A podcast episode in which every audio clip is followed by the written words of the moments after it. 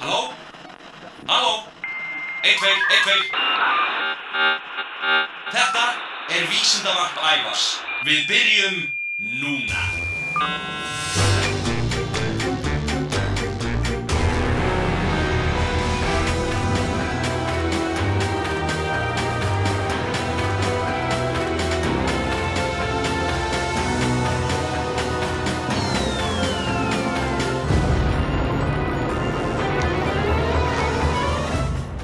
Komiði sæl og verið velkomin í Vísindavarpið. Ég heiti Ævar. Í þættinum í dag ætla ég að kenna ykkur nokkrar tilraunir og svo ætlum við að opna postkassan sem er hreinlega að springa. Við skulum byrja. Fyrsta tilraun dagsins. Hinn bagalega blásum út hlaupbánsa tilraun. Hvað þartu í þessa tilraun? Jú, þú þart skál eða disk, hlaup, svona gúmihlaup og vatn. Hvað gerir þú? Númer eitt, þú býður þangað til það kemur laugardagur og þá hleypur út í búð og kaupir helling af svona nammi hlaupi en alls ekki háma það í þig. Númer tvö, láttu um einn fjórða úr lítra af köldu vatni í skál eða disk. Ef þú átt ekki skál, þá getur þú notað stóra gósflösku en þú verður samt að rífa miðan af henni til að sjá hvað er að gerast. Númer þrjú. Heldu hlaupinu, sem þú lofaðir að borða ekki, ofan í vatnið og ekki stelast til að borða einn einasta hlaupangsa og eða orm. Númer fjögur, og þetta er svolítið erfitt.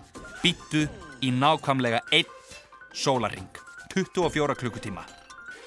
Númer fimm kíktu ofan í skálina og prófaðu að taka hlaupið upp og passaðu að það detti ekki sundur. Hvað gerist?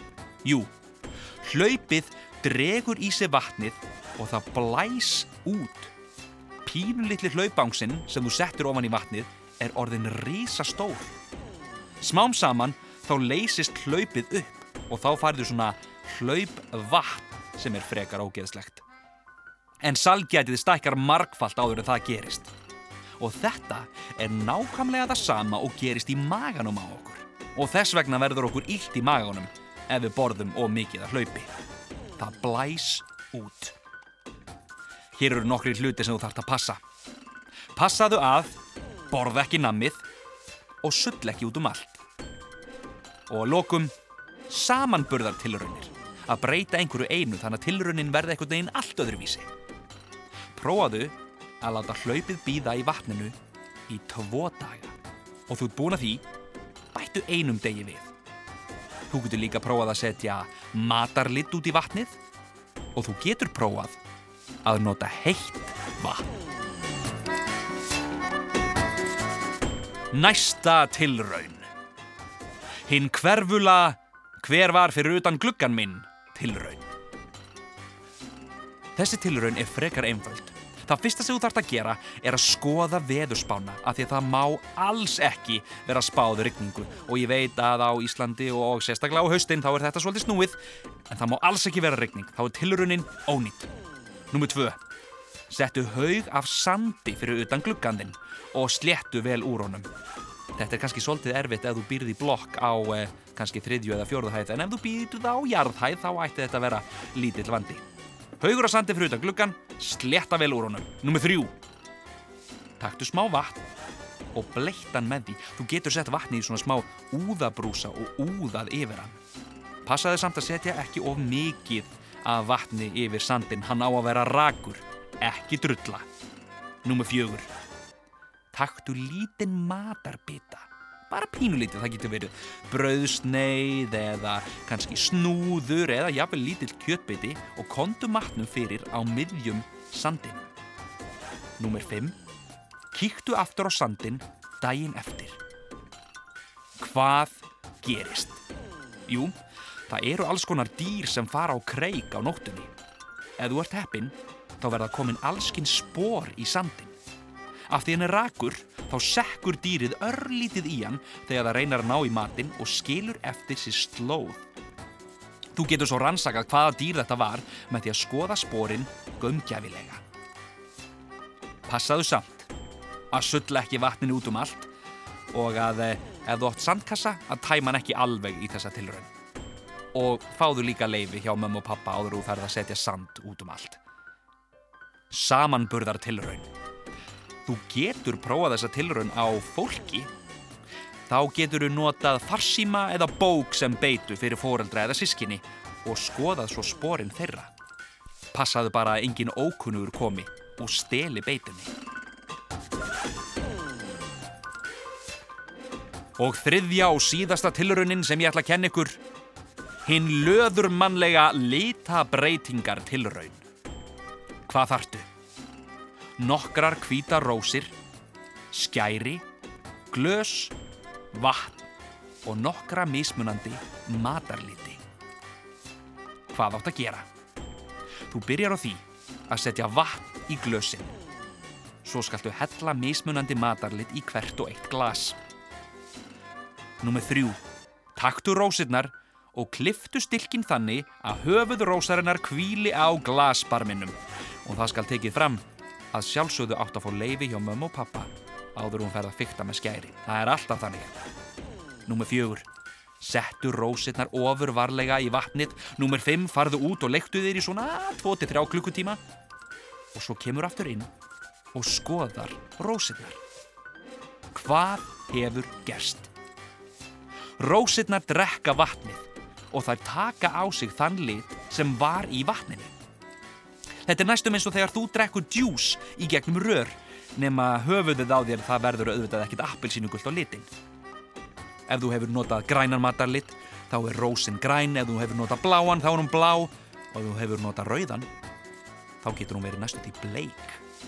Passaðu þó að þegar þú ert að vinna með matarlit þá þarf að fara alveg svakalega varlega um leið og matarliturinn fer í fötinn þín þá fer hann ekki taðan aftur.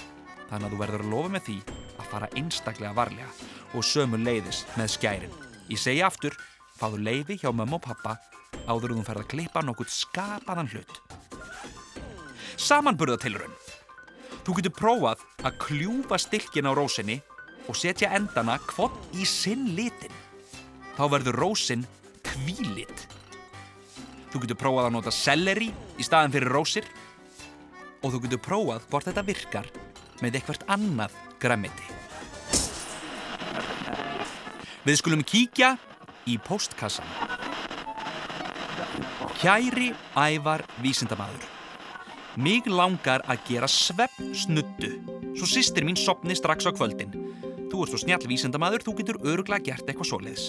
Hveðja Fridrik Valur, 5 ára í Hafnarfyrði. Jáhá, uh, kæri Fridrik Valur, þú byður ekki um lítið.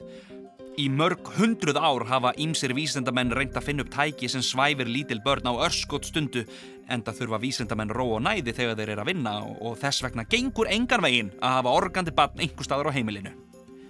Allir vita að það er mjög erfitt að orga og vera með læti þegar maður er með snuttu upp í sér. Og allir vita líka að ef barn liggur nógu lengi með snuttu upp í sér þá sopnar það á endanum. Mér detta þess vegna í hug nokkrir möguleikar. Númer 1 við gætum búið til snuttu sem er með svona innbyggðum hörðum diski sem á eru sögur. Og um leið og sýstir þín setur snuttana upp í sig þá byrjar svona ævintýri. Og þess vegna vill hún alls ekki taka hana út úr sér því hún vil auðvitað hlusta á söguna. Þannig hættur hún að væla og sopnar eins og skott uh, Við gætum líka sett svona svefnduft á snuttuna þá, þá sopnar hún potþitt eins og skott Ég á nú reyndar hérna smá svefnduft. Ég ætla örlítið að prófa að fá mér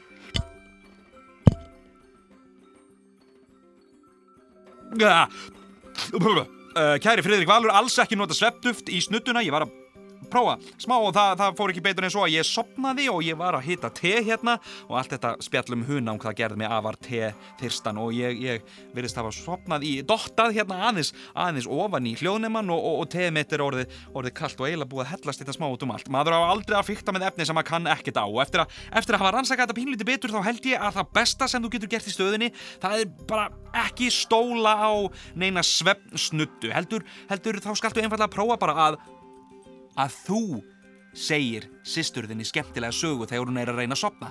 Henni á eftir að þykja það ægilega gaman og hún á eftir að sopna eins og skot. Uh, láttum endilega vita hvernig gengur og takk fyrir að skrifa. Hér er annað bref. Hér stendur Kæri Ævar. Ég heiti Steinar og er 5 ára og leikskóli minn heitir Bæjarból. Ég gerði tilraun með mömmu minni.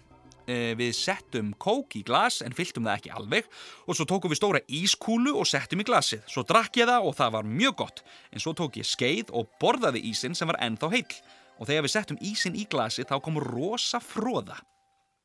Þetta var skemmtileg tilrun og mér langaði að segja þér frá henni svo þú gætir prófað. Bless, bless, Steinar og mamma. Sæl og blessaðu Steinar og mamma sjálfstöðu líka. Þetta er alveg hreint frábær tilrun. En mundu samt að bursta tennurnar vel þegar þú ert búin að drekka sigurdrykki. Því annars verður eins og frænka mín sem að drakk svo mikið gósa hún eiðilæði bæði fullorðins tennurnar sínar og gerfi tennurnar. En í dag þá drekkur hún bara vatn og, og henni líður miklu betur. Uh, takk fyrir að skrifa. Kjær kveðja, Ævar. Hér er annað bref. Hæ Ævar, ég heiti Sveit Trösti og er 8 ára gamall. Ég á heima á Akureyri. Uh, ég er búin að prófa að gera tilraun með eplasafa og mjölk. Ég blandaði því saman í glas og beigði í svo litin tíma. Þá sökk mjölkin niður á botn og eplasafin flöyd ofan á. Þetta fannst mér sniðugt. Ég hlakka til að sjá næstu tilraun hjá þér, kveðja, Sveit Trösti. Og svo kemur svona broskall í lógin. Látum okkur nú sjá. Sæl og blessaður Sveit Trösti, takk fyrir að skrifa. Þetta er mjög góð tilraun, en maður verður samt að passa sig að drekja ekki þennan drikk því hann er, hann er alveg hreint ógeðslegur á bræðið. Maður þarf líka að passa sig að hellunum þegar maður er búinn eh, því annars fer hann að gerjast og þá kemur alveg hreint viðbjóðsleilikt. Eh, takk fyrir að skrifa, kær kveðja, Ævar. Hér er enn eitt brefið. Kæri Ævar vísendamæður. Við erum bara sjö ára með hund en ennum strax komðar með hugmyndað uppfinningu. Hún er þessi. Stig 1. Taktu blöðru og fyllt hana vatni. Stig 2. Stingd henni fristi og gemd hana þar í einn dag. Stig 3. Takt hana út úr fristinum, losaðu blöðruna af og þá er þarna fínasti klaki. Kveðja, Sólei, Ásta og Polly. Og svo stendur hennar svega hundurinn. Polly er sem sagt hundurinn. Halló, Sólei og Ásta og Polly auðvitað líka. Þetta er góð tilraun. Eh, ég prófaði að gera hana með stóri blöðru en eh, fattaði ekki fyrir neftir á að ég átti ekki nógu stórt glas fyrir klakan sem var til. Þannig að ég prófaði að frista vassblöðrur sem eru miklu minni og það virkaði svona líka frábærlega. Takk fyrir frábæra tilraun og láti mig endilega vita ef þið prófið meira. Með vísinda kveðju, Ævar. Hér er annað bref. Hæ, kæri Ævar. Ég veit um eina tilraun, hún er þessi. Að búa til rúsínu úr vimberi. Þá setur maður vimber inn í skáp og býður í marga daga og þá hefur maður rúsínu. Hveðja Viktoria Rós, 6 ára. Sæl og blessu Viktoria og takk fyrir að skrifa. Þetta er hárrétt hjá þér. Eh, Ég setti heilan klasa af vimberum inn í skáp og viti menn, klasi af rúsínum. En það tók reyndar næstum því mánuð eða rúmlega það, en núna á ég helling af rúsínum. En maður getur líka þurkað aðra ávexti eins og til dæmis epli og banana, en það er samt aðeins erfiðara því þeir eru stærri og safaríkari. Takk fyrir að senda brefið og þú mátt endilega senda mér línu ef þú gerir fleiri flotta tilraunir. Kær kveðja, Ævar. Hér er enn eitt brefið. Ég sagði ykkur að póskassin er hreinlega að springa. Kæri Ævar, ég heiti Salka Sól. Salka Sól, ætla þetta að segja nokkuð Salka Sól sem, og er í fyrsta bekk, nei ekki hún, í Hvaleirarskóla í Hafnafyrði. Ég prófaði að setja ljósa peru í örbylgjuofn og það gekk ekki vel, hún sprakk og ofnin fylltist af glerbrótum. Kær kveðja Salka Sól. Kæra Salka, þetta er alveg ægilegt að heyra. Ég vonaði að sé í lægi með þig og örbylgjuofniðinn. Eh, maður þarf að passa sig að maður ætlar að setja peru inn í örbylgjuofna hafa hann ekki of lengi þarna inni, ba bara kannski 5-7 sekundur og þá kemur svona, þá, þá komur svona smá, smá svona ljósa dýrð en, en ef þú ert með hann of lengi að þá, þá springur hún. Ég myndi bara ekkit vera að setja ljósa perur inn í örbylgjuofna, en, en takk samt fyrir þetta áhugaverða bref. Næsta bref. Hæ hæ, hér er einn tilraun. Gerðu gerfikúk.